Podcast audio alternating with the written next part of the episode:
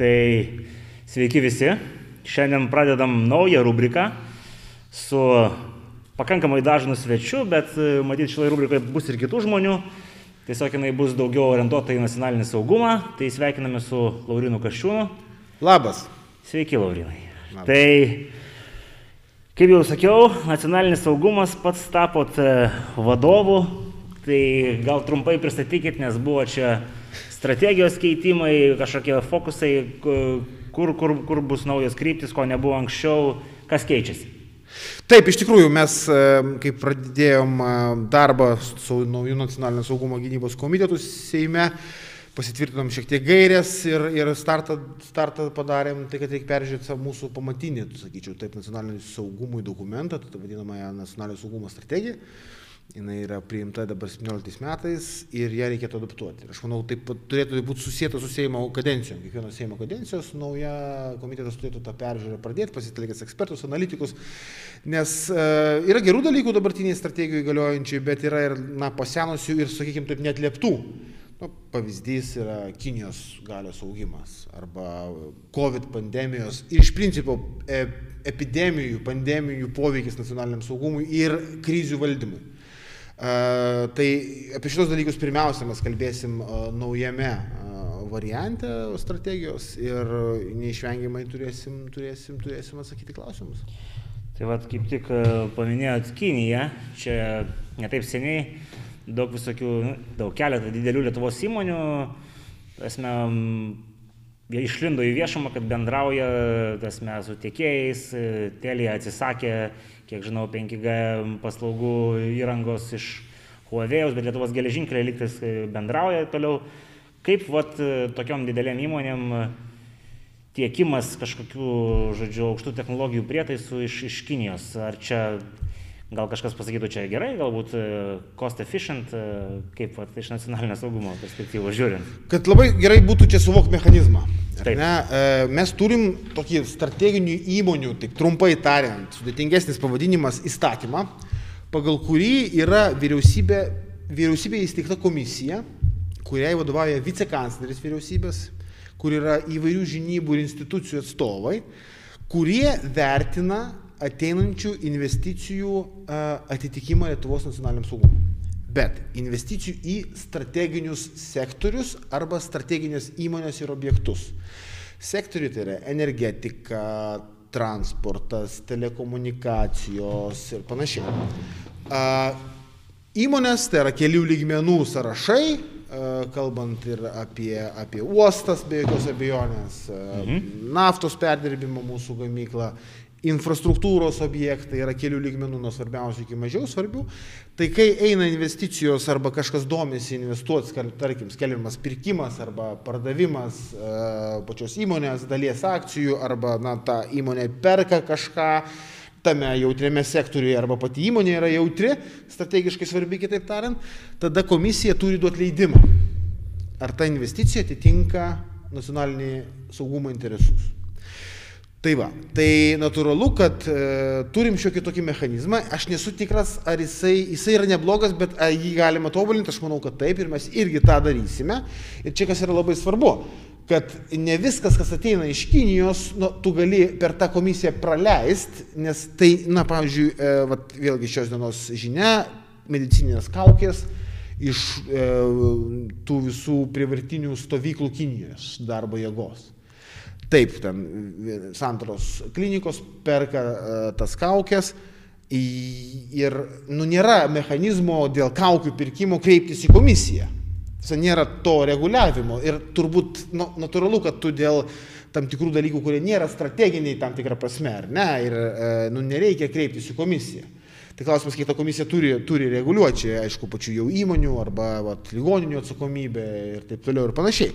Tai vat, rasti tą pusiausvyrą, ar ne, e, kada reikia jau įjungti nacionalinio saugumo saugiklius ir tikrinti patikrą darytų investicijų, e, o kada nereikia, kada yra tiesiog, nu, saulėgražos, e, na, aš čia jau kalbu taip jau metaforiškai, ar ne, arba kažkokia kita nestrateginė prekė arba produkcija, tai va ta takoskira padaryti yra, nu, iš tikrųjų nėra, nėra, nėra paprasta. Ir e, čia visada iškils tų klausimų.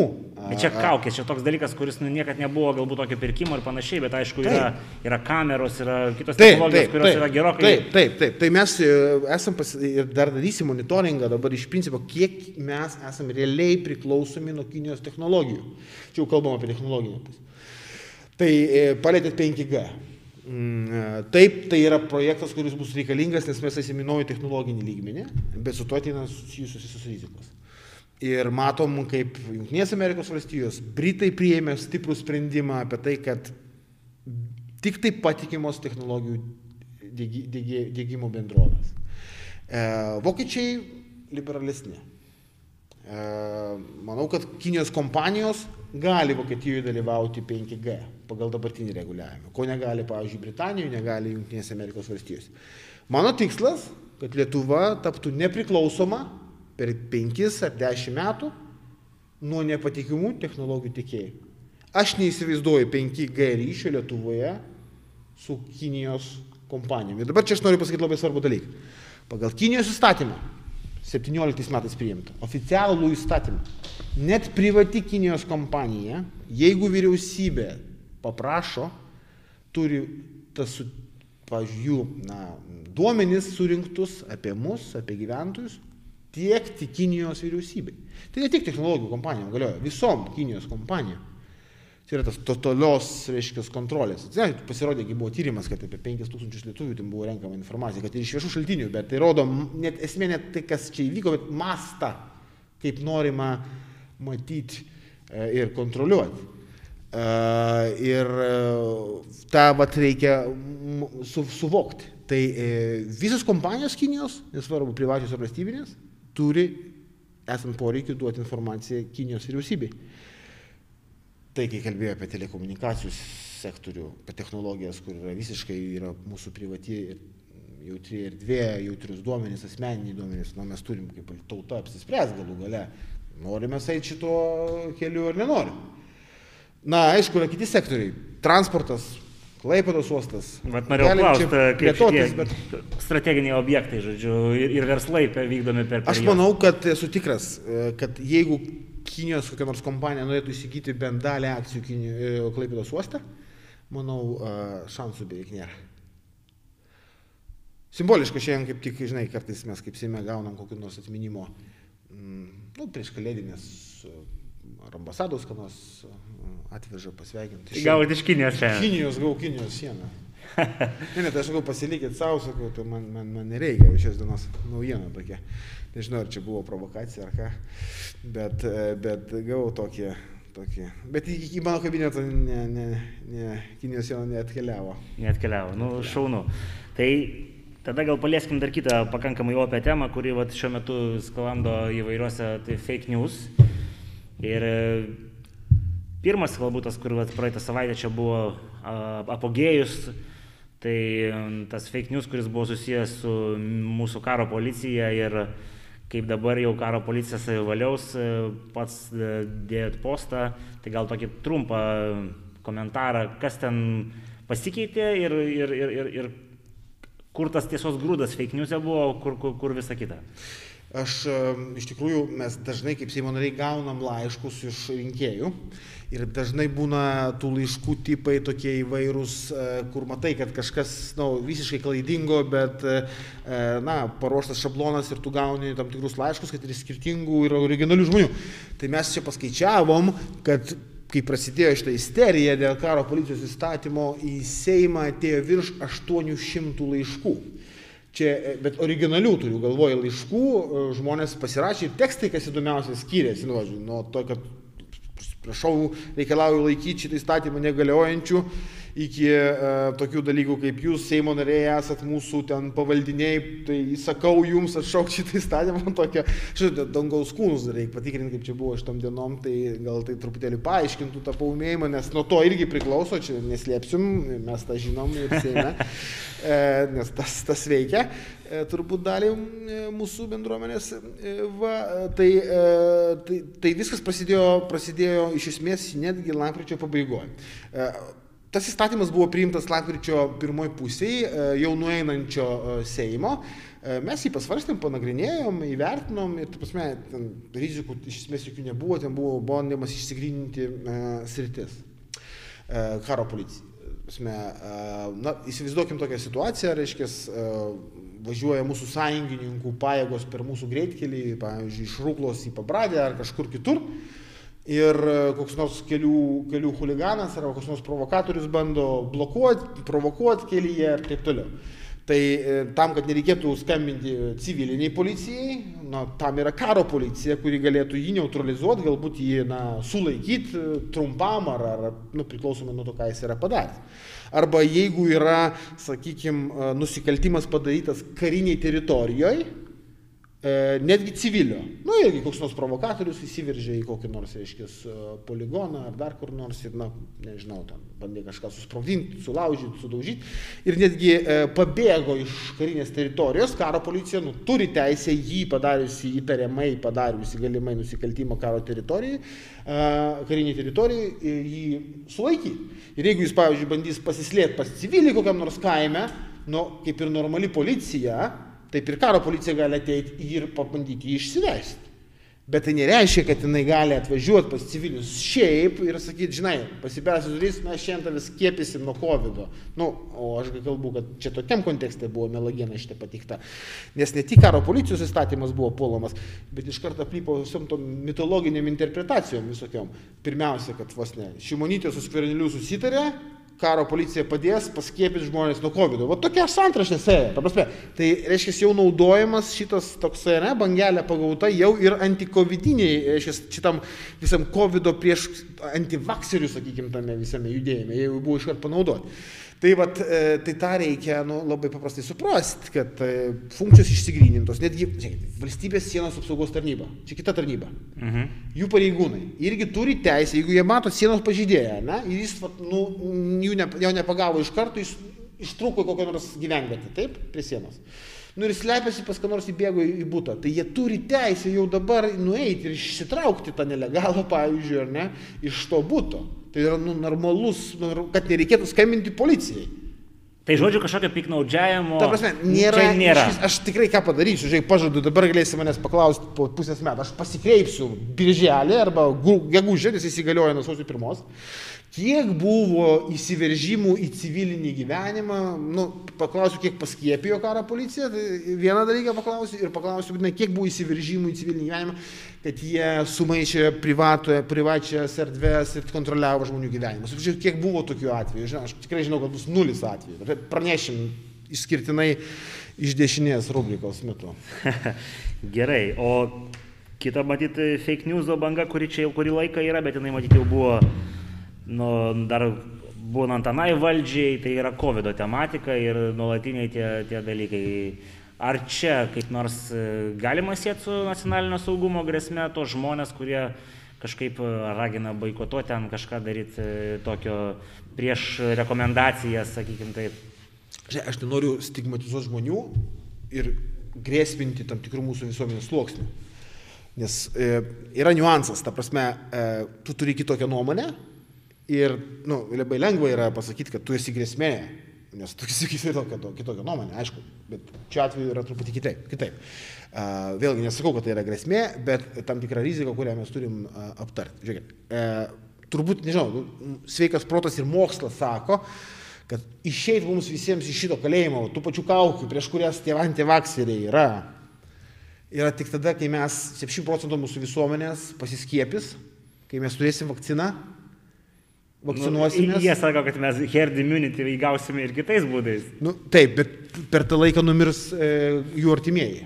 Tai va, saugodami net juos artimu, jų artimuosius, o mūsų sveikatos apsauga patirs visišką kolapsą ir žmonės nebus gydomi nuo kitų lygų ir mirs nuo kitų lygų, kad šitą, šitą užburtą ratą iš jo išeiti, reikia 70 procentų kartelės, kad susiformuotų kolektyvinis imunitetas. Tas aišku, ne? Ta mes, ta mes, ta mes kaip ir žinom.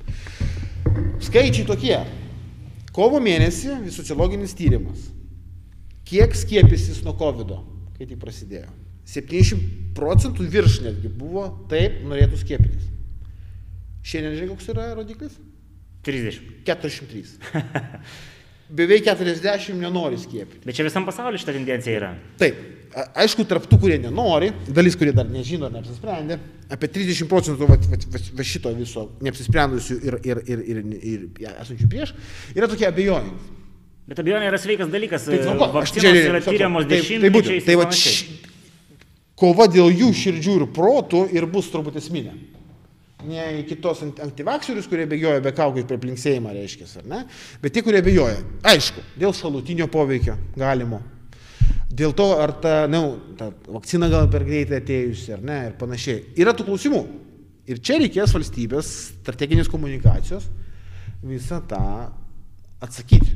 Ir mitus dekonstruoti, o jau tokias abejonės nu, išsklaidyti. Ir čia labai svarbu bus. Ir čia aš manau, kas be galo svarbu yra, man labai patinka, ką aš dabar matau Amerikoje, kai buvę prezidentai sutiko būti vienais pirmųjų, kurie vakcinuojasi, pasiskiepė, parodo pavyzdį. Man atrodo, šiandien Maikas Pensas tą padarė. Man atrodo, tiesiogiai per, per, per Amerikos visas medijas tą padarė. Tai aš tikrai manau, kad uh, čia nėra jokios privilegijos, jeigu mūsų valstybės vadovai, nuo prezidento, premjerės, Seimo pirmininkas, Seimo pirmininkė, trysė. Na, jeigu pradėsim vakcinuoti Seimo narius, tai visi pradės kalbėti apie privilegijas, tai šito nereikia daryti ir negalima, bet valstybės vadovai galėtų parodyti pavyzdį. Ir tokiu būdu, žinai, čia jau būtų daug. Čia jau būtų daug. Po to, kas yra labai svarbu, uh, nu, komunikacija. Žmonės, taigi tyrimai rodo, kad žmonės labiau tiki ne politikais, nu čia aš taip ir prieštraučiau tam, bet nu čia valstybės vadovai. Bet medikų ir ekspertų, e, medikų žodžiu, e, tas labai aiškiai matosi. Ir dėl to, va, medikų e, žodis, jų pavyzdys vakcinuojantis, nes nuo jų ir pradėsim. Planas toks, kad pirmą medikai, po to, po to slaugos e, įstaigose dirbantys žmonės ir, ir gyvenantis ten, po to um, vyresnio nei 65 metų amžiaus žmonės ir tos target grupės, kurios, prie kurių vakcinacija prasidės ir kai jau pabaigs tas grupės, eisim į masiškumą. A, Norėčiau pasakyti, kada tas bus, e, kada mes išeisim į masiškumą, nu galbūt kovą, galbūt balandį. Nu tai va, ir šitą visą procesą lydi. e, Bet aš tik noriu pasitikslinti, šitas procesas nebus prievartinis, jis bus savanoriškas Tai su be rekomendacija. E, Be abejo.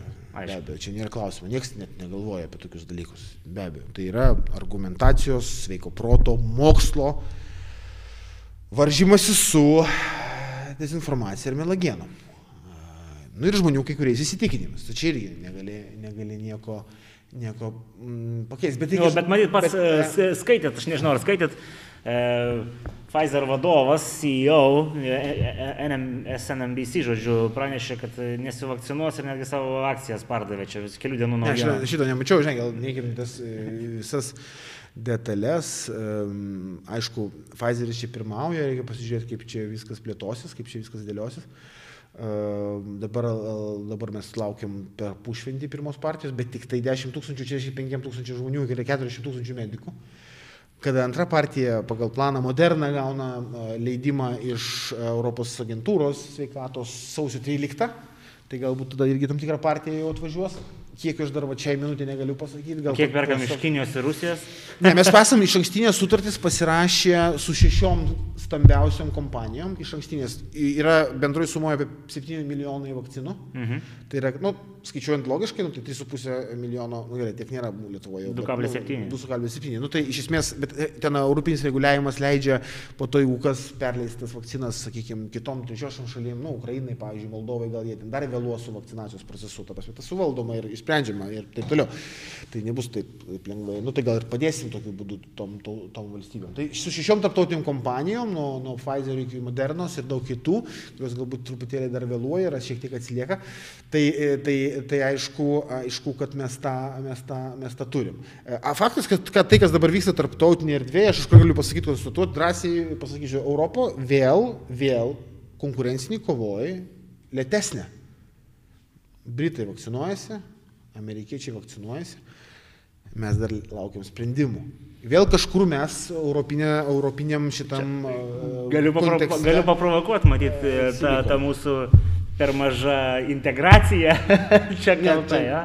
Tai kad ne, ne, ne kaip, kaip gal atvirkščiai, ta prasme, tai gal dvišalių, dvišalių santykių galėjai susitarti su kuo nors, žinai. Na, nu, aišku, lemia ir tokie dalykai, kaip, žinai, Trumpo America First, pirmiausia, amerikiečiai bus paskiepyti, po to tik tai kitur. Tas nebūtinai veiks, bet, nu, bet tas naratyvas jisai veikia ir tų kompanijų. Bet aš kalbu apie tą, kad na, tas vakcin, vakcinacijos, vakcinos nacionalizmas, kuris turėjo. Nu, Jeigu mes vakciną turėtume Lietuvoje, gal mūsų ir turėtume patriotus valdžioje, gal jie irgi taip atsakytų. Ne, ne, ne, tai žiūrėk, aš ne, ne, ne, ne čia nusmerkiu tą Trumpą, tik aš sakau kaip, nu, kaip faktorių, kuris gali lemti tas lenktynių tam tikrą situaciją. Bet faktas tai, kad, Europos Sąjungai reikia nu, labiau investuoti. Va, jeigu čia dažnai, dažnai kalbam apie strateginę autonomiją, žinai, dažniausiai suvokiame kaip gynybą, kuri turėtų vos nebūti nepriklausoma nuo JAV, čia, žinai, vos nekonkuruoti. Tai e, gerai, čia sakom, žmonės protingi sako, sakau, jeigu norite autonomiškai, tai gal pradėkime nuo autonomiškai pasigaminti kaukės, medicinės priemonės, vakciną būti pirmiems, žinai, va, tada jau bus strateginė autonomija. O jūs čia norite iš karto amerikiečius mes per petį, žinai, gynybos rytį.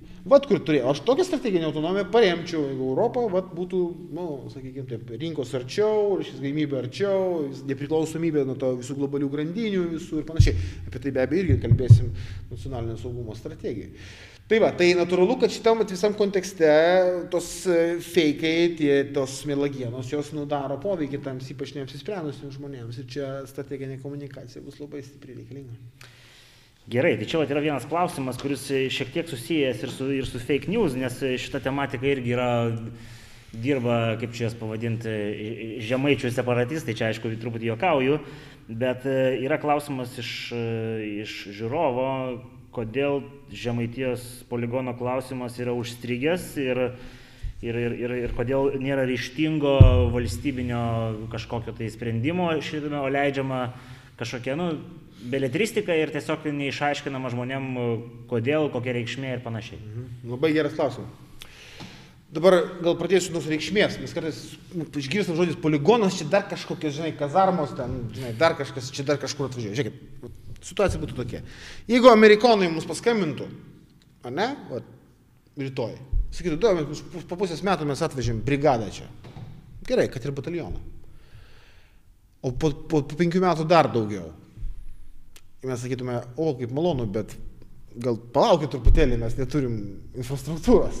Man, čia esmė, poligono esmė čia va, tokia ir yra, kad tai būtų, tai yra svarbu mūsų sąjungininkams, tai svarbu mūsų kariniam pajėgom, kad mes galėtume tenais e, pratybas daryti, ruoštis, rengtis, tilpti visi mūsų valstybės.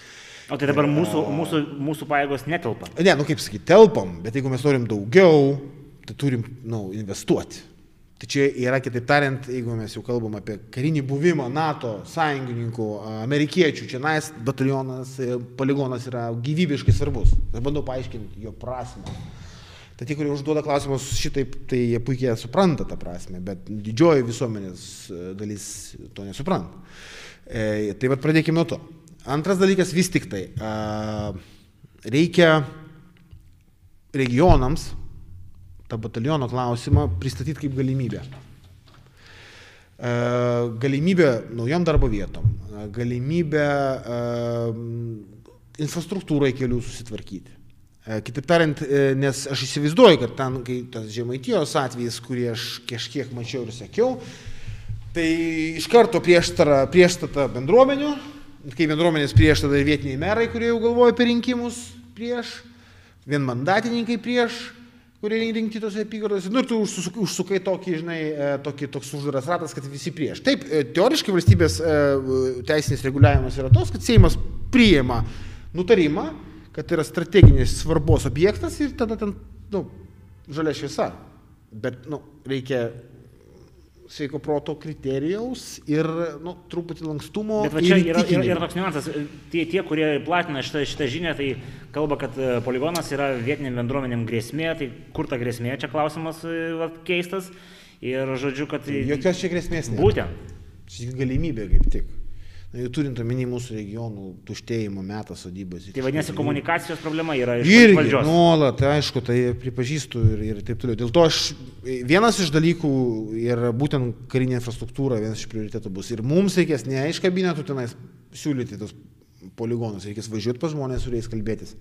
Ir dabar kas vyksta? Ta prasme, e, Yra atlikta galimybių studija dėl Žemaitijos, vakarų Lietuvos, jinai įvertinta, bet dabar nuspręsta padaryti visos Lietuvos galimybių studiją, kur poligonas dar galėtų atsirasti. Bet mes žinom, kad poligonai ki- kitos Lietuvos dalyse yra, tai ten kaip ir logiška, kad jo trūksta žemaitijai. Bet ne tik, nebūtinai. Prasme, ne, ne, nebūtinai dėl to. Ta prasme, jis gali būti ir dzukyjoje. Jis gali būti ir dzukyjoje. Kažkaip mano širdis jaučia, kad jis bus dzukyjoje. Nesakysiu dabar kur, bet e, gali būti taip. Ta prasme, e, gali būti taip, e, vėlgi, reikės, aišku, kalbėtis ir su bendruomenėmis, su merais ir, ir, ir, ir, ir suvokti prasme, gal jis netokio bus netokio tokio dydžio, kaip buvo planuotas, e, bet jisai bus nu, reikalingas ir, ir, ir, ir svarbus ir strategiškai atlieps mūsų gynybos poreikius. Tai dabar ta galimybių studija vyksta. Tai E, žemaičiai pa- tamstos manimų nu- nugalėjo šitoje kovoje ir aš- išprašys poligoną iš savo... Iš Žodžiu, savo... ne, žiūrėk, tai aš manau, kad mes įsivertinkim visas Lietuvos vietas. Žinai, įsivertinkim visas Lietuvos vietas. E, Nei viena iš tų vietų, kurios nebus vertinama, nebus kažkokia strategiškai menkiau ar, ar labiau svarbi. E, Įsivertinkim, e, pateikim geresnį komunikacijos modelį, paaiškint, kokia yra nauda iš e, poligono vietos gyventojams pirmiausia. Ir e, tada mes galim jau judėti link sprendimų ir kad poligonas per nu, kokius keturis metus vis tik Lietuvoje atsirastų. Gal greičiau. Tai, tai čia yra uždavinys ir čia reikės e, sėdynės pakelt e, daugam. E, Nuo ministrų iki Seimo narių, kuriems tikrai rūpi šitą dalyką. Čia matyt labai tiktų tas e, Vokietijos pavyzdys, kai jie labai verkia, kad amerikonų kariai išeina, nes būtent tam regione ten yra sukurta krūva darbo vietų, žodžiu, ir... Pavyzdžiui, ir nu va, labai geras pavyzdys, apie tai reikia kalbėti. Mes iš vis nesugebam Lietuvoje paaiškinti, čia dabar, kai pradedi kalbėti apie gynybos finansavimą didinimą, atrodo vėl čia, žinai, prieštatas su švietimu, prieštatas su socialiniam reikmėm, čia, žodžiu, nu vėl jūs čia viską į metalą, žinai, geležį ir, ir į kažkokį tai neva, tai ten galima karą, ar kuris ten kažkas tai, žinai, vos ne rusai puola ir čia, žinai, ką čia išsigalvoja. Bet tikrai- ar- Bet apie 70 procentų pinigų, kurie yra investuojami į gynybą, Lietuvos lieka Lietuvoje. Per darbo vietas, per, per, per mokesčius, per kitus dalykus. Jie Bet lieka ar tikrai jūsų koalicijos partneriai tai supranta? Kalba eina apie tas liberales partijas, Ne, kur... ne, ne, gynybos prasme neturim prieštatos. Aš džiaugiuosi, kad dabar naują biudžetą žiūrėjau, a, 11 milijonų daugiau yra gynybai. Nu, simboliškai, bet... ten procentaliai matyti šimtoji dalis. Nu, bet 2,03, ta prasme, buvo, jau skvernelis paliko su 2,01, tai, nu, tai šioks toks jau vis tiek įėjimas į priekį, nu, suvokim dabar tą COVID situaciją. Bet aišku, norint įgyvendinti partijų susitarimą iki 2030 mm, pasiekti 2,5, tai reikia pasistengti labai stipriai arba kažkaip tai ieškoti naujų formulių. Jo, tai čia matyti... Bet mes gerai, svarbiausia, kad mes esame 2 procentų klube, čia yra labai svarbu. Uh, Trumpas ir jo administracija buvo tą sukūrę, žinai, 2 procentų klubą, buvo tokias 7-8 šalis, kurios atskirai, yra NATO ir yra 2 procentų klubas. Jisai mažesnis, bet jie turi prieimą artimesnį prie, pavyzdžiui, amerikiečių. Čia klausimas, kaip naujoji administracija vertins, ar čia bus koks nors... Ne, pliusas. na, žiūrėkit, NATO prasme aš nemanau, kad bus kažkokių pokyčių. Ne, aš manau, kad linija bus išlauga, išlaikyta. Tai va, tęsiant to nuo Vokietijos pavyzdžio, galbūt yra dar vienas klausimas susijęs su Vokietija ant pačios sienos. Vokietijos faktorius Lietuvos užsienio politikoje. Man truputį buvo keista, kai aš skaičiau tą klausimą ant jūsų sienos, nes, kaip aš suprantu, dabartinė užsienio politika tikrai bus orientuota daugiau į Vokietijos e, pusę. Tai tik klausimas, ar, ar, čia geras judesys, žinant Vokietijos geopolitinius e, manevrus, e, prorusiškumą ir panašiai. Kaip pačio nuomonė, ar čia yra, ar Vokietija yra mūsų partneris e, kažkoks strateginis, ar, ar daugiau strateginė grėsmė ir Oi, jos ne, ne, ne. požiūris Stop, stop, stop, stop. Jokia grėsmė, jokių būdų. Mes galim debatuoti, diskutuoti, ar labiau, sakykime, vokiška europinė vizija mums artimesnė, ar transatlantinės Europos su daugiau, Ameriko, e, su daugiau Amerikos. Tai čia yra debatas ir aš aišku stosiu į transatlantinės Europos pusę, nes aš esu šiaip, na, transat, na, Transatlantistas. stipriai išreikštas. Geras žodis. Britai, Amerika čia yra saugumo prasme yra mums be galo svarbios valstybės, bet, ne, ne, ne, bet čia nėra grėsmės klausimo. Bet aš tiesiog Nord Streamą Tai aš priminsiu. bandau, žiūrėk, tai, priminsiu. mhm, gerai, šitą vietą aš to negalėsiu nieko atsakyti, šitą vietą yra taip, čia, žinai, pas vokiečius jau taip yra ir, žinai, ir aš taip aš manau pritarčiau antriniams sankcijoms, yra irgi klausimas mūsų žmogus, žmogus um, uždavė, ar pritartumėt antriniams sankcijom įmonėms, kurios uh, plėtoja Nord Stream 2. Taip, tai, ką amerikiečiai padarė, aš vertinu teigiamai. Ir labai gaila, kad ES to nesugeba pritaikyti. Bet mes suprantam, kodėl nesugeba pritaikyti. Ne, nu, nes kokios tos įmonės, su kuo jos susijusios, kokios šalių ir panašiai. Bet žiūrėk, čia Nord Streamas. Čia aš turbūt kelsiu ranką ir sakysiu taip, nu, tiesiog Pas vokiečius taip yra, jeigu jie kažką jau nusprendžia, jie ima ir padaro. Kai jie atsisakė, kai žalieji pradėjo kilti ir jie atsisakė brandolinės energetikos, kai jiems visi mokslininkai aiškino, ekonomistai, žiūrėk, bet nu, nuo dujų padidinsi priklausomybę, kitų ten taršesnių, reiškia, išteklių ir taip toliau. Vokiečiai, net ir krikdėmai, jie sako, mes viską suprantam, bet mes kai priėmėm sprendimą, mes paimsim ir padarysim.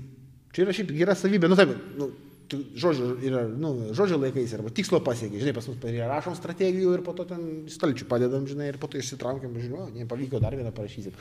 Tai pas juos taip nėra, čia vokiečiams reikia daug atiduoti. Tai, tai ką aš noriu pasakyti, tai čia aš turbūt tai paaiškinčiau su to Nord Stream, ne? Bet dabar kalbam, grįžtant truputėlį e, į realijas mūsų regioną, vokiečiai. Turim jų vadovaujimo tarptautinį NATO batalioną. Jeigu tu manęs prieš 6-7 metus būtum paklausęs, ar aš, ar tu Kaščiūnai, gali patikėti, kad vokiečių kariai saugos Lietuvą. Aš atsakyčiau, žinai, jiems prieartėti su kariais prie Rusijos, na, pusės teritorijos jau yra psichologiniai, na, visokie vertybiniai klausimai, mes žinome, iš kur jie kyla. Nes ir geopolitinė prasme. Nes jie vis laik taip, nu, anksčiau bent jau, ne, bet uh, pavyzdys, kai tik tai mes tapom NATO nariais, Rusija iš karto tokį pasiūlė provokaciją, tai pavadino tarpusio uh, pasitikėjimo stiprinimo priemonė, jie mėgsta tokį terminą. Sako, o gal padarom taip, kad Rusija kartu su NATO saugotų Baltijos šalių, NATO narių oro erdvę. Nu, kad sustiprintume tarpusavio pasitikėjimą. Ne?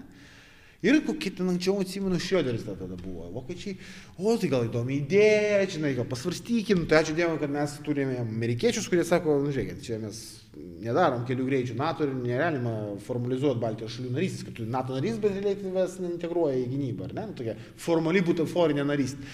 Tai mes to išvengiam. Dabar vokiečiai nu, tokių dalykų nedaro, ta prasme, dabar jie yra čia nais.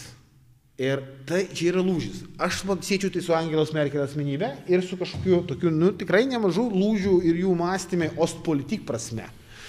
Uh, aš tikrai nesakau, kad jie ten vadovaujasi Rusijos sulaikymo koncepcija ir taip toliau ir visa kita, bet uh, Bet tas toksai e, suvokimas, kad, na, vidurio Europos šalis turi pagristų, e, sakykime, tai pagristų nu, nu, nugastavimų dėl imperinių Rusijos ambicijų ir kad atgrasimas yra svarbi, svarbus elementas, kaip su tom ambicijom dorotis, nu tai jau yra pasikeitę.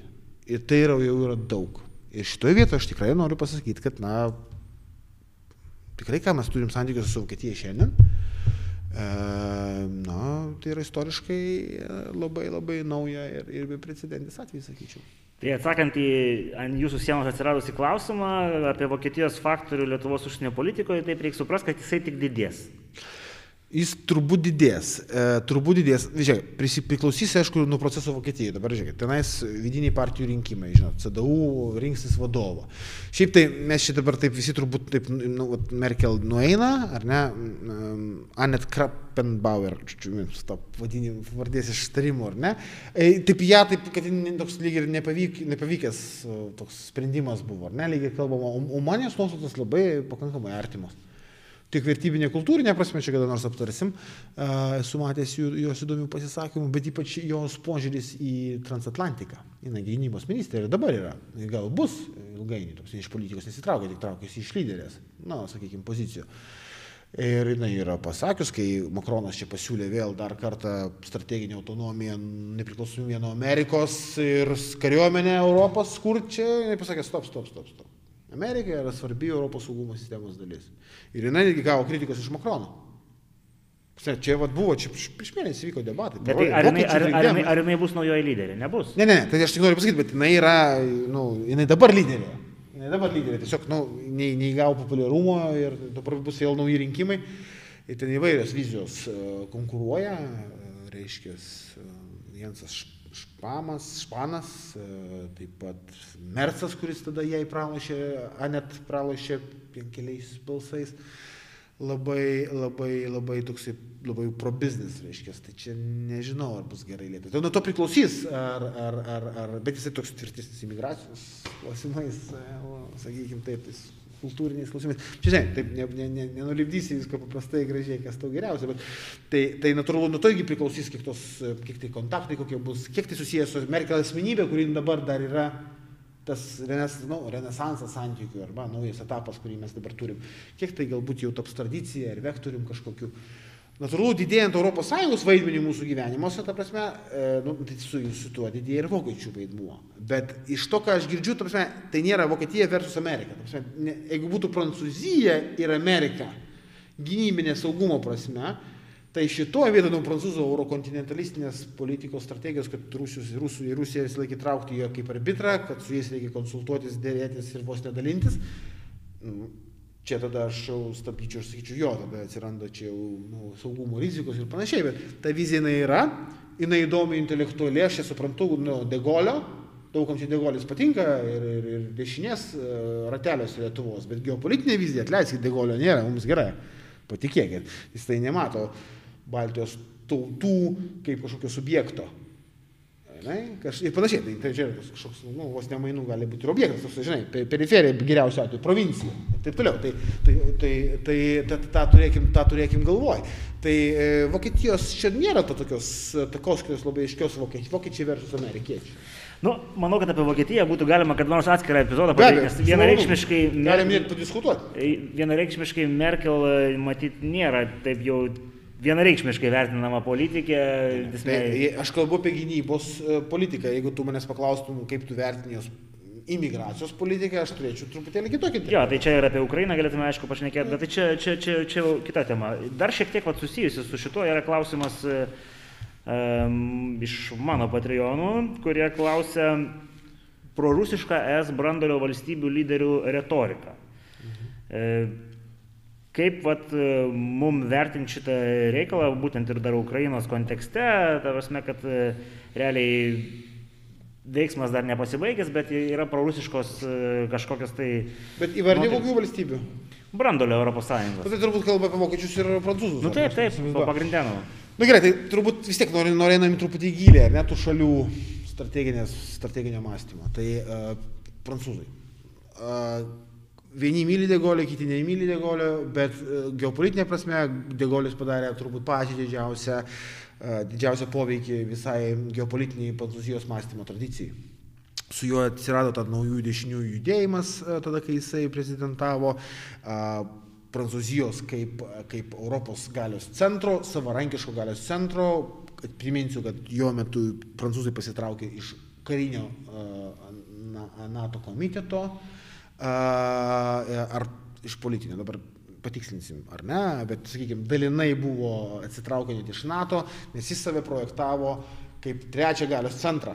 Yra Sovietų sąjunga, yra Amerika ir mes kūrėm, žodžiu, žinai, per Europą prancūzai didina savo galę. Bet prancūzai, ne, ne Prancūzija tirpsta Europoje, bet jie pajungia Europą prancūziškos galios, nu, tokia dešiniai, etatistinė vizija. Ne? Ir tas padarė didžiulį, Makronas, pavyzdžiui, jisai nėra golistas e, vertybinė prasme, bet jis jau jo geopolitikoje, Makrono, e, Makronio geopolitikoje degolio yra labai daug. Labai daug, 80-90 procentų. Ir natūralu, kad kitų mastai va tokiom kategorijom, Rusija tau yra Europos saugumo sistemos dalis, galios centras, su kuriuo tu turi kalbėtis ir susitarti. Ir jeigu kažkas kažkur, jų požiūrių, tai net nebejoju, triukšmauja periferijoje, nu, aš taip šaržuoju, aišku, ten žūsta žmonės, bet ta prasme, prancūzam, mąstymė, Ukraina, Gruzija, nu, kažkokia tai, žinai, dar viena problema periferijoje, ne Europoje, peri, jos Europos periferijoje, kur galbūt geriau netgi Rusija ir susitvarkytų. Galbūt tai leiskime jiems susitarti. susitarti. Nu, arba bent jau patarpininkauti, kad susitvar, susitartų. Nu, tai kad tu, ką, ukrainiečiai negali federacinė šalimi tapti. Nu, tai duokit autonomiją tiem regionam. Nu, man tokia logika. Ne, nu, kad, kad nebūtų konflikto, kad jisai iš to periferinio netaptų globaliu. Susitarkit. Bet pagal šitą analogiją galbūt panašiai būtų elgiamas ir su ES periferija. Ne, ja, nu, kai tu jau esi ES, o to labiau NATO, tą pačią logiką sunkiau pritaikyti. Bet aš manau, kad tai užprogramuota prancūziškoje politinio mąstymo tradicija. Ir todėl, vat, vat, žinai, tas dar nuovargis atsiranda, žinai, Ukrainoje dar tas korupcinės problemos, žinai, ir tas toks vat, užsivėlimas, jis neveikia, laikas neveikia Ukrainai naudą, daug kas jau tiesiog pavargo ir tai yra trečias, ketvirtas, penktas klausimas. Vokietijos pusėje irgi yra tas sena Ruslans Ferštėjerių tradicija, kurie irgi, na, na kaip čia pasakyti, bet jie irgi turi savo nu, tradiciją istorinę. Prasme, vokiečiai daug ką vertina tarptautiniuose santykiuose per savo uh, tam tikras istorinius išgyvenimus. Aš manau, kad didžiulį, didžiulį na, padarė tokį, sakykime, poveikį jų supratimui, kaip su jais pasielgė po pirmo pasaulinio karo, kur jie nuėjo 93 metus. Ar ne, kas atėjo valdžiai. Nes buvo reparacijos, izolacija, pažeminimas ir, ir taip toliau. Ir tada jie taiko tą patį supratimą, kad jeigu mes čia blokuosim Rusiją, ją tenais, žinai, visai kaip e, sulaikysim ir taip toliau, ten irgi viduje prasidės kažkokie blogi procesai ir mes dar labiau iš vis neturėsim jokio kontakto su jais. Ar ne? Dėl to jie vieną ranką lyg ir sankcijos, čia vėlgi Merkel lyderystės dėka. Tik Merkel lyderystės dėka mes turim sankcijas Rusijai, o čia reikia pripažinti. Bet kita ranka yra pats Nord Streamas. Nes kinos tyrimas tai ne tik biznis, bet čia dar ir tarpusavio priklausomybę stiprinam, mat, kad tarp, yra tarptautinių santykių teorijos, kur sako, stiprinant tarpusavio priklausomybę, mažiau ten karų, mažiau konfliktų. Nu toks, žinai, meduolis ir, ir, ir, ir botagas. Ir pas vokiečius tas yra. Ir, bet tai irgi užprogramuota istoriniuose tose išgyvenimuose. E, ir, ir tai yra, tai yra, nu turbūt irgi taip galima aiškinti, kodėl tas Ukrainos e, tautos, ukrainiečių tautos, gruzinų klausimai, jie, jie, mums, jie jiems nu, antrailiai, trečiailiai. Gerai, tai pabandykim grįžti į Lietuvą. Yra du klausimai ir ant tavo sienos, ir ant mano, kurie labai susisieja. Tai kalba eina apie... Ant mano sienos guli klausimas, kuris klausia, kaip integruoti atskirus Lietuvos regionus. Kalba eina apie Visaginą ir, ir, ir, ir Šalčininkus, o ant tamstos sienos yra apie mm, mokyklas e, Lietuvoje ir kad e, kada Lietuvoje veiks tik lietuviškos mokyklos ar daugėjant rusakalbių imigrantų nesusiformuos salos ir getai. Mes matyti jau turim tų salų ir getų ir, ir jie nenaujiena yra. Kaip, kaip tai vertinti pagal nacionalinio saugumo prizmę per ją. Jo, čia reikia būti labai atsargiam, jau kalbant ir, ir, ir, ir, ir vartojant terminus, mes kalbame vis tiek apie mūsų valstybės piliečius, e, bet e, pietryčių Lietuvos problemą aš jau gvildenu jau beveik gerą dešimtmetį. Ir turiu savo tam tikrą požiūrį, jis daugam nepatinka, e, bet kai kurie, kurie įsiklauso, kartais, manau, randu pritarimą. Mm, dabar pabandysiu ką pasakyti. E, paplėtokim šitą. Pietryčių Lietuva mhm. E, ir aišku Lietuvos, Lietuvos Lenkų e, klausimas. Ne? Dažnai, jeigu tu išgirsti, vat, na, visi sutarėm, kad reikia stiprinti mūsų visų tautinių bendryjų integraciją uh, į valstybės gyvenimą. Ekonominį, socialinį, kultūrinį ir taip toliau. Čia jokių būdų ne asimiliacija, čia integracija, čia reikia mesti iš galvos. Prasme, kai kalbėsim dėl kito klausimo, valstybinės kalbos mokėjimas nėra asimiliacija. Valstybinis kalbos mokėjimas yra tų žmonių integracija, mūsų tautinių bendrijų, jų vaikų galimybių Lietuvoje pagerinimas, o ne, o ne, o ne, o ne pabloginimas ir nesimiliacija. Čia yra jų integracija. Bet grįžtam prie, prie, prie to mm, pradinio klausimo. Tai dabar ir kai tu paklaustum, ką reikia padaryti, kad žmonės labiau integruotųsi, jaustųsi čia kaip namie labiau Lietuvoje, tai iš karto pradėtų vardinti jau tai, ką mes įsimėt asmenvardžių rašybą, lentelės miestų reiškia, gyvenviečių, gatvių pavadinimai, nu, tą visą dainelę išpiškinti. Na, Lietuvos Lenkai dar turi tokį argumentą, tai yra žemės gražinimas Vilniaus Ket, keturi, krašte. Iš tikrųjų, keturi failai, keturi dalykai, o visus mes visi ir vardėjom. Smenvardžiai, lentelės, tiek, reiškia, gatvių pavadinimai, vietovardžiai ir žemės gražinimas čia kažkokia mitologija, šiek tiek su žemės, tai nie, nie, niekada iki galo nesupratau. Tai nuo tada Tomaševskį negražino žemę Lasdynuose mikrorajoną, dėl to šitas atsirado kaip ketvirtas. Nu, aš ne iš Tomaševskio girdėjau, ja, ja, ja. bet iš Lietuvos Lenko ir ja, labai galbūt, buvo pavyzdys ja. vaizdingas duotas, žodžiu, apie tai, kaip buvo žemė persikeliama į, į Vilnių. Nu, matai, ten kraštų. situacija buvo, kad prie, prieš karą Lietuvoje buvo rėžiniai ūkiai, buvo kitokia sankloda, dėl to gal tai sudėtingiau viskas. Bet gerai, e, aš grįžtame tai. Aš manau, kad tai nėra teisingas požiūris. Nes aš ką reikia padaryti? Nu, reikia išsitirti socio demografinį, soci, sociologinį tyrimą pasidaryti tautinių bendryjų, paklausti, ko, ko, ko, ko, kokie yra poreikiai. Ir aš, mes, kai aš dar dirbau Rytų Europos studijų centre, mes turėjom tokių tyrimų, tyrinėdami propagandos poveikį mūsų visuomenėje atskirom grupėm. Ir ką mes pamatėm? Labai paprastą dalyką. Ant kuo ant žemesnio laiptelio, socialinio laiptelio, tai yra uždarbis, socialinė apsauga, kuo ant žemesnio socialinio laiptelio yra žmogus, ypač tai jis yra iš tautinių bendryjų, tuo jis yra labiau nusivylęs demokratiją, Lietuvos valstybę ir gravituoja geopolitiškai į rytus. Tai yra, nu, ten klausimas buvo suformuotas taip, kad jis pateisina, pavyzdžiui, Putino veiksmus Ukrainoje. Kuo, maži, kuo žmogus labiau lipa laipteliais ekonominiais, socialiniais, tuo šitie dalykai nyksta. Ir nepasitenkinimas mažėja. Todėl mano pasiūlymas, kuris jau yra suformuoluotas prieš šešis metus, aš praeitą kadenciją buvau pasiūlęs projektą, sukurti pietryčių Lietuvos plėtros fondą atskirą programą, tokių fondų yra, patirtis rodo ir ES valstybėse, pavyzdžiui, Pietų Italijai skirtų programų daug nacionalinių yra Italijai, mažinti, mažinti tam tikrą atskirtį, kelti tų žmonių socialinį, ekonominį gerbuvį, kelti, e, e, eiti tai socialiniais laipteliais, kad mažėtų visi tie geopolitiniai sprendimai. Nu, skambėjo taip marksistiškai, sakyčiau, prieiga ekonominė, bet aš manau, kad čia yra esminis dalykas, bet be abejo, po to atsiranda, aišku, švietimas, atsiranda ir aš čia noriu dar, dalykai, bendros, vieną, bendri naratyvai ir, ir panašiai. Dar vieną akcentą. Tam klausime, kurį aš gavau iš klausytojo, buvo minima, kad e, tie regionai, čia ir tiek pietričių Lietuvai, tiek Visaginų, jie mirksta kitoje informacinėje erdvėje. Čia mes galėtume kažką padaryti. Tai vad klausimas, e, pradėkim gal nuo šito, dar po to dar, dar yra ir kitas medalio, kita medalio pusė, bet vad ką mes galim šitoje, nes čia, čia susijęs su mūsų nacionaliniu saugumu, kai mes įsileidžiam E, žiniasklaidos priemonės, e, kurios yra gerokai nedraugiškos e, ir, ir, ir formuoja naratyvą. Taip, tai mes ne, ne tiek įsileidžiam, kiek nu, jie turi galimybę žiūrėti uh, Rusijos televizijas. Ja, bet tai yra įvairių modernių technologijų, kur galbūt būtų galima kiek, kažkiek tai kažką tai... Aš esu padaręs šią praeitą kadenciją vieną labai svarbų dalyką. Tai daugiau galbūt lietuviško auditorijai, bet ne tik. Ir krito produkcijų kiekį, Lietuvos televizijos rusiškos produkcijos kiekį, kai mes vietoj uh, subtitravimo, kuris buvo tik tai pri, privalomas trečiųjų šalių produkcijai, įvedėm uh, privalomą įgarsinimą. Tai tapo kultūrinis tada ryšys sumažėjo, žiūrint, nėra patrauklumo, žiūrint įgarsintą kokią nors produktą ir kaštai didesni. Ir pradėjo trauktis užraškus produkcijos kiek Lietuvos televizijos. Na, aš manau, tai irgi na, vienas iš tokių žingsnių, kurį reikia galvoti ir turėti kaip, nu, sveikinti. Bet čia, veiksmą. čia yra lietuviškose kanaluose. Lietuviškose kanaluose, taip. Taip. taip. Uh, tai uh, po to aš manau, kad geri sprendimai yra Lietuvos radio televizijos komisijos priimti nuo 13 metų, kai už neapykantus karo kurstimą mes uh, sustabdom kanalų veikimą pusiai metų, metam.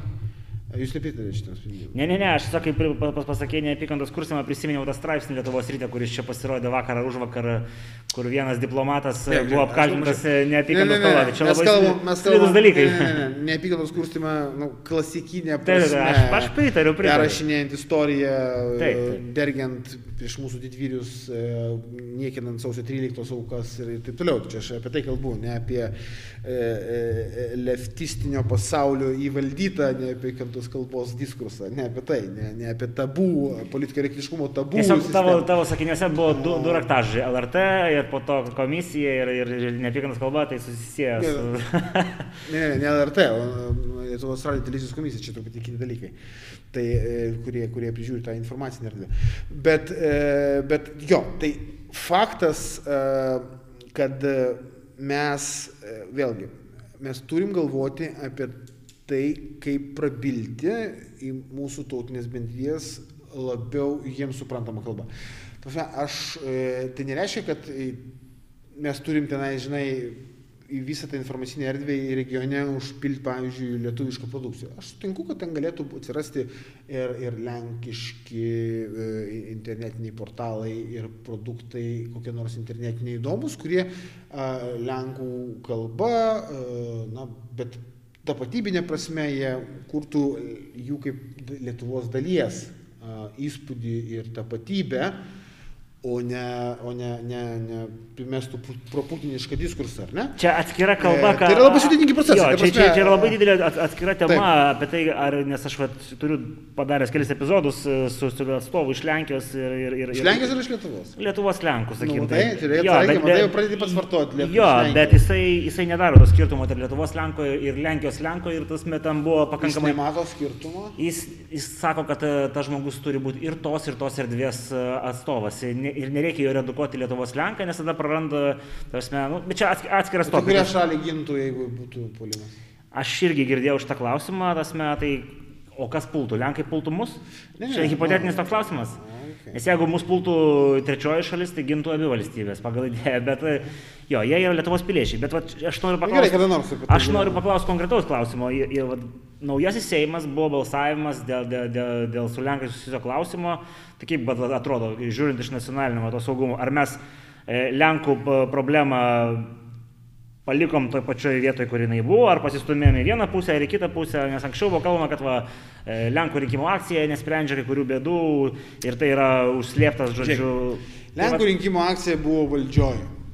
tai gerai, bet dabar valdžia. dvi ministerijas. Ja. Ar nors kartą girdėjot, kai jie buvo valdžioj, kad būtų iškėlę šitus klausimus? Laurinai, aš suprantu, bet aš dabar ne apie Lenkų rinkimų akciją klausiu. Aš noriu sakyti, kad jie nepadarė ir mes žinom, kodėl jie nepadarė. Kodėl dabar... Nes tas klausimas nėra validus. Jis nėra svarbus. Tasme, kam nėra svarbus? Bendruomeniai. Lietuvos Lenkų bendruomenė nėra svarbus klausimas dėl asmenvardžių. Tikrai manau, kad tai nėra pirmiausia didžiausias svarbos klausimas. O, Ar tai- sociologinius tyrimus darėm? ar Ok, žinom? aš bus, bus įdomu. Aš manau, kad, tai, kad pirmiausia Lenkų. būtų e, vaikų galimybės įsidarbinti, darbo užmokestis, bedarbystė ir visą kitą. Labai validžios problemos. Sutinki? Validžios problemos, bet e, kurioje vietoje yra tie keturi, kaip kalbėjom prieš tai, e, kertiniai stovai. va Mes čia- čia turim sprendimą, mes siūlom e, normalų tarptautinės praktikos patvir, patikrinti latvišką model- modelį. Latvišką modelį. Ir koks yra šis modelis? Tai yra pirmam įrašų puslapį paso originalo, tai yra trečiųjų originalo valstybinė kalba, lietuviškai, mhm. o kitų įrašų puslapį rašyk kaip tau Tai šitas dalykas tu- bus priimtas e, šitoj kadencijoje. Nu, aš norėčiau, kad jis būtų priimtas. Supratau, supratau. Bus. Ai, gerai, palikim tos Lietuvos Lenkus, e, pažiūrėkim e, kažką dar būt. Yra klausimas ant tamstos sienos apie mhm. elektroninį kovą Rusijos operacijų planavime. Kokia Lietuvos pozicija ir veiksmai? Žinai, aš galvoju, mes turėtume mm, susirinkti visus tos gynybinius, tokius rimtus klausimus, nes tai klausimų buvo tokių fundamentalių. Ir, Tai šitą paliekam e, kažkada. haubicas ir visą kitą, aš manau, reikėtų paskirti būtent tai kariniai technikai ir aptarimam atskiro, atskiro sektorius, e, atskiro, atskiro turbūt aptarimo, nes ir, ir suvalko koridoriaus klausimai, kaip čia, žinai, kaip išvengtos izolacijos karinės yra labai rimti dalykai. Tai aš manau, kad mes galėtume, Tai elektroninė kova, paimti dronus ir Taip, suvalkų taip, čia paliekam labai rimti ateičiai. dalykai. Okay, tai tada yra, yra klausimas, kuris nuskambėjo ir tu paminėjai raktažodžių lietuvių didvyriai. Yra klausimas pas mane Instagram'e, toks jisai gali būti ne visai politkorektiškas, bet e, Lietuvos žydų bendruomenė ir Lietuvos laisvės kovų didvyrių vardo diskreditavimas. Ar čia yra kažkokia problema, žiūrint iš nacionalinio saugumo perspektyvos, ar, ar, ar nėra? Ne, ne, ne, nacionalinio saugumo perspektyvos čia gal ne, ne, ne, ne, ne, ne, nedėkim, bet e, tai, kad, e, na, reikia susitarti, kaip mes diskutuojam Lietuvoje, tai faktas. Ir aš pats esu viešai padaręs vieną veiksmą, jeigu jūs atsimenat, tada susilaukiau daug įvairios kritikos po to, kai sužinojau, kad žydų bendruomenė Lietuvos, e, eidama į rimtas temas, istorinės atminties temas ir ieškodama atsakymų į klausimus dėl holokausto e, procesų priežasčių Lietuvoje, na, kaip bendra autorė pasitelkė žmogų, ponę Vanagaitę, kuri savo veiksmais yra įrodžiusi, kad ji nenori objektivaus, nu, kiek įmanoma socialinėse moksluose objektivaus, bet, sakykime, ne ideologiškai angažuoto tyrimo ir analizės. Tai buvo dar kovo mėnesį, aš raštu kreipiausi į ponę Klenskį, kad man paaiškintų, ar tai prisideda prie sugyvenimo, sutarimo ir tiesos paieškų, ar vis tik tai, nu, tai yra klaida. E, Gavau atsakymą, tai apie klaidą ten niekas nerašo. Tai kaip pasakysiu šitą klausimą. Supratau, nu jo, tema sudėtinga, čia matyti reikėtų irgi panalizuoti detaliau kažkada, nors nelabai O, kas, tikrai taip. nelabai kas nori dėl politkorektiškų, nepolitkorektiškų šitos temos aspektų. Tai pabaigai, vat, matau, yra du klausimai, kurie irgi yra vienas ant tamstos, vienas pas mane atėjęs. Ant tamstos yra biški toks, sakykime, linksmesnė forma, bet jie labai susiję. Futbolas. Ar šiais laikais klubinėme futbole svarbu turėti kuo daugiau vietos žaidėjų?